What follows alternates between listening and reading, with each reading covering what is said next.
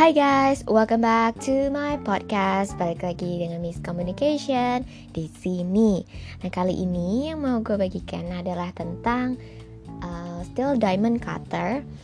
Jadi Diamond Cutter ini ditulis oleh seorang um, apa ya bilangnya? Dia mantan biksu, gitu kan, orang bule. Yang di mana dia uh, bangun perusahaan diamond yang bener-bener diamond ya. Terus dia kasih buku uh, kasih judul di bukunya itu Diamond Cutter di mana dia mem, apa namanya memasukkan prinsip-prinsip kehidupan di sini. Ketika kita itu mau menjadi kaya ada prinsip menjadi kaya juga di sini.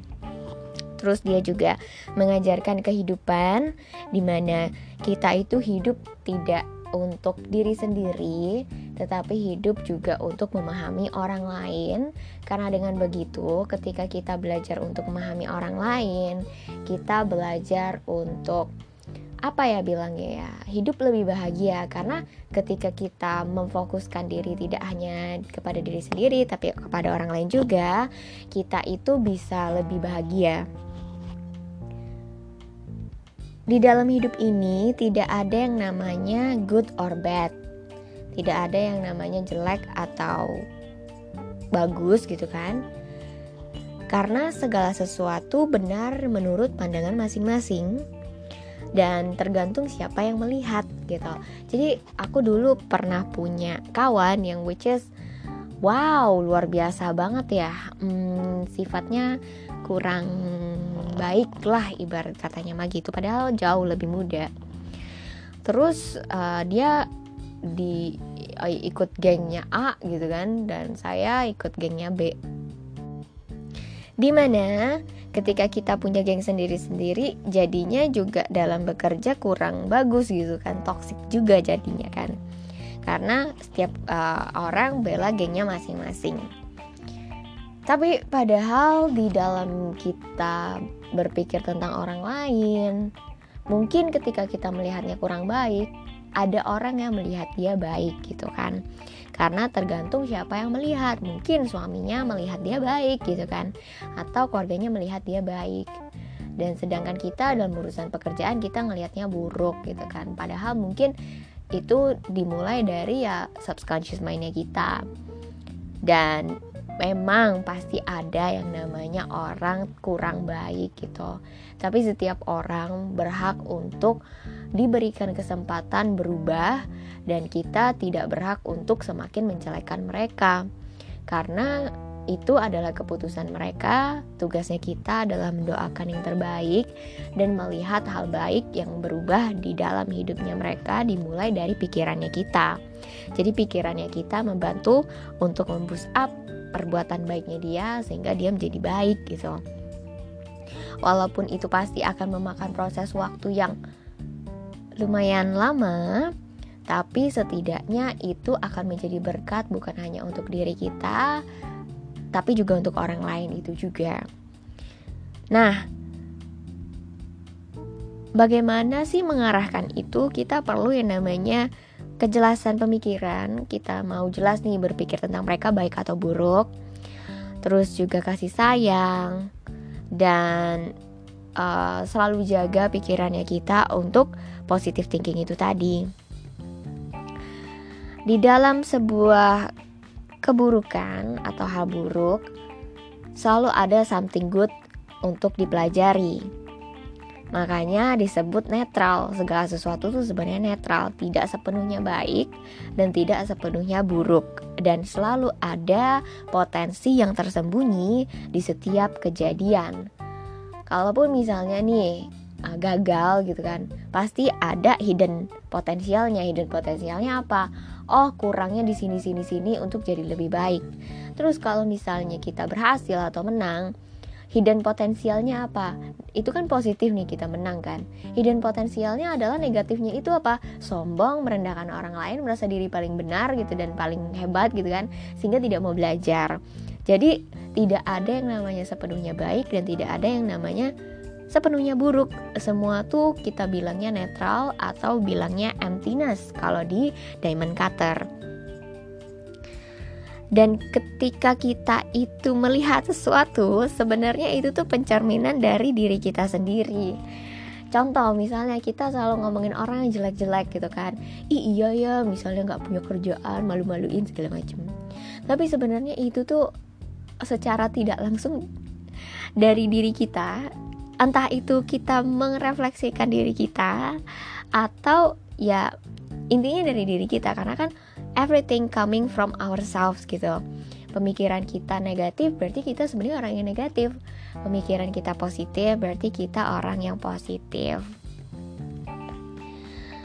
Dan ketika kita mengexperiencekan atau mengalami um, yang namanya kekesalan terhadap orang lain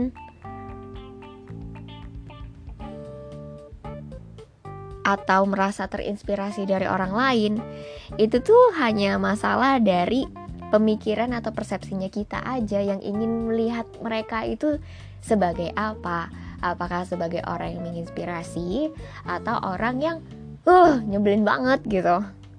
Dan yang namanya imprint atau jejak pemikirannya kita jelek atau buruk akan tertanam dengan tiga cara. Bagaimana caranya? Imprint atau jejak baik atau buruk itu kan akan disimpan dengan subconscious mind.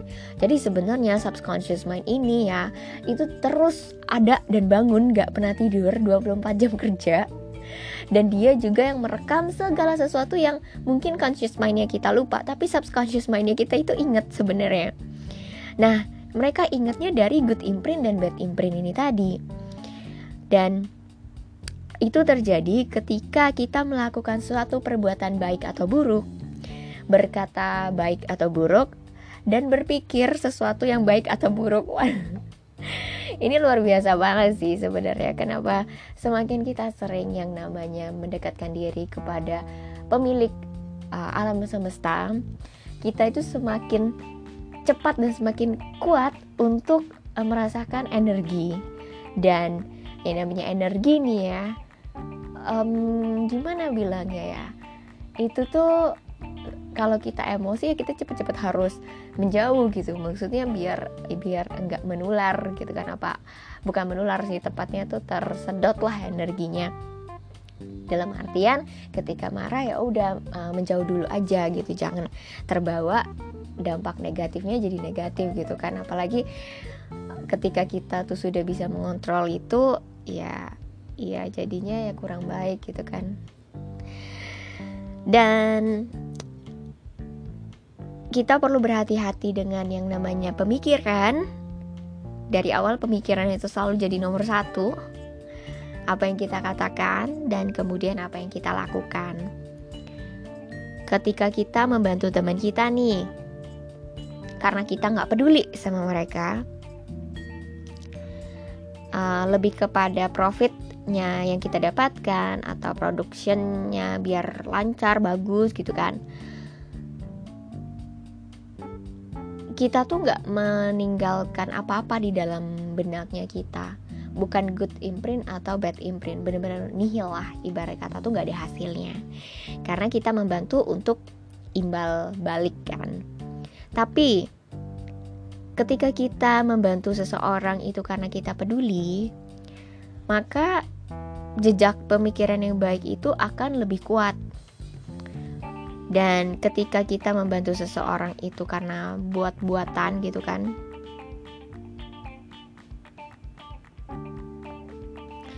Dibuat-buat lah ceritanya nggak bantunya itu bener-bener kayak bukan tulus lah setengah hati atau acting doang gitu kan.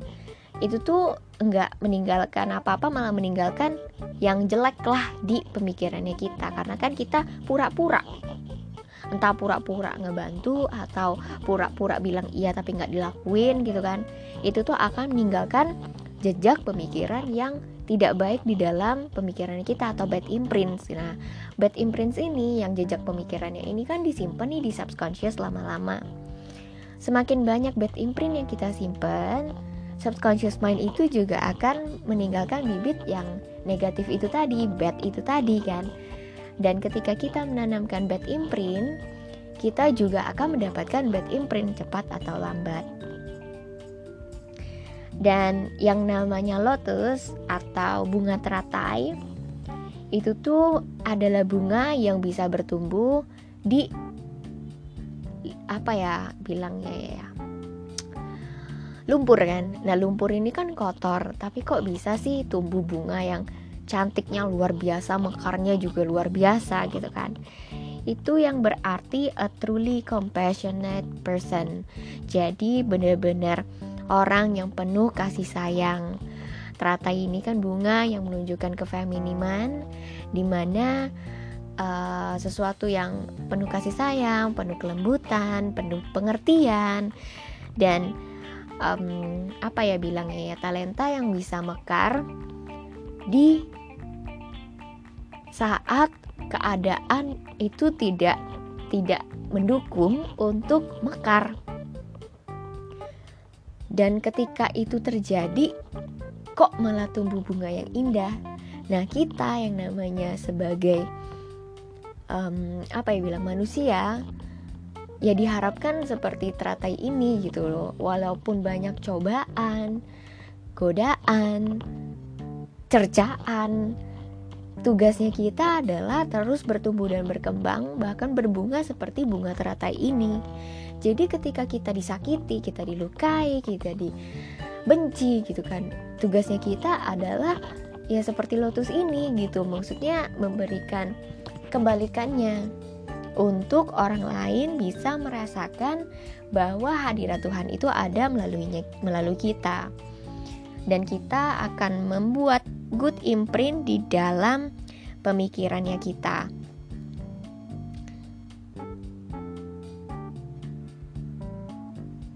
Nah, faktor final yang mengakibatkan bagaimana nih si jejak pemikiran itu tertanam di pikirannya kita Apakah kita merasa senang ketika kita melakukan sesuatu? Entah itu menolong orang, entah itu memberikan masukan, entah itu mendengarkan, entah itu memberikan saran, apakah kita merasa baik? Karena kalau misalnya kita merasa baik, berarti kita bagus gitu loh melakukannya good imprint. Dan mau nggak kita melakukannya lagi? do you take ownership of it apakah kamu uh, mendapatkan kepemilikan atas itu how do these imprints affect our lives? Bagaimana jejak pemikiran ini bisa mem memberikan efek kepada hidupnya kita? Karena ketika kita melakukan sesuatu kita itu sebenarnya sedang menanam apa ya bilangnya menanam bibit di dalam kehidupannya kita. Dan kita tuh nggak perlu takut sebenarnya untuk um, ketemu dan say bye dengan orang-orang yang tidak sesuai dengan energinya kita. Kenapa? Karena dengan begitu dunia akan memberikan kita orang yang tepat. Jangan lupa dunia itu punya prinsip yang di mana prinsip selalu terisi jadi yang kosong itu akan selalu terisi.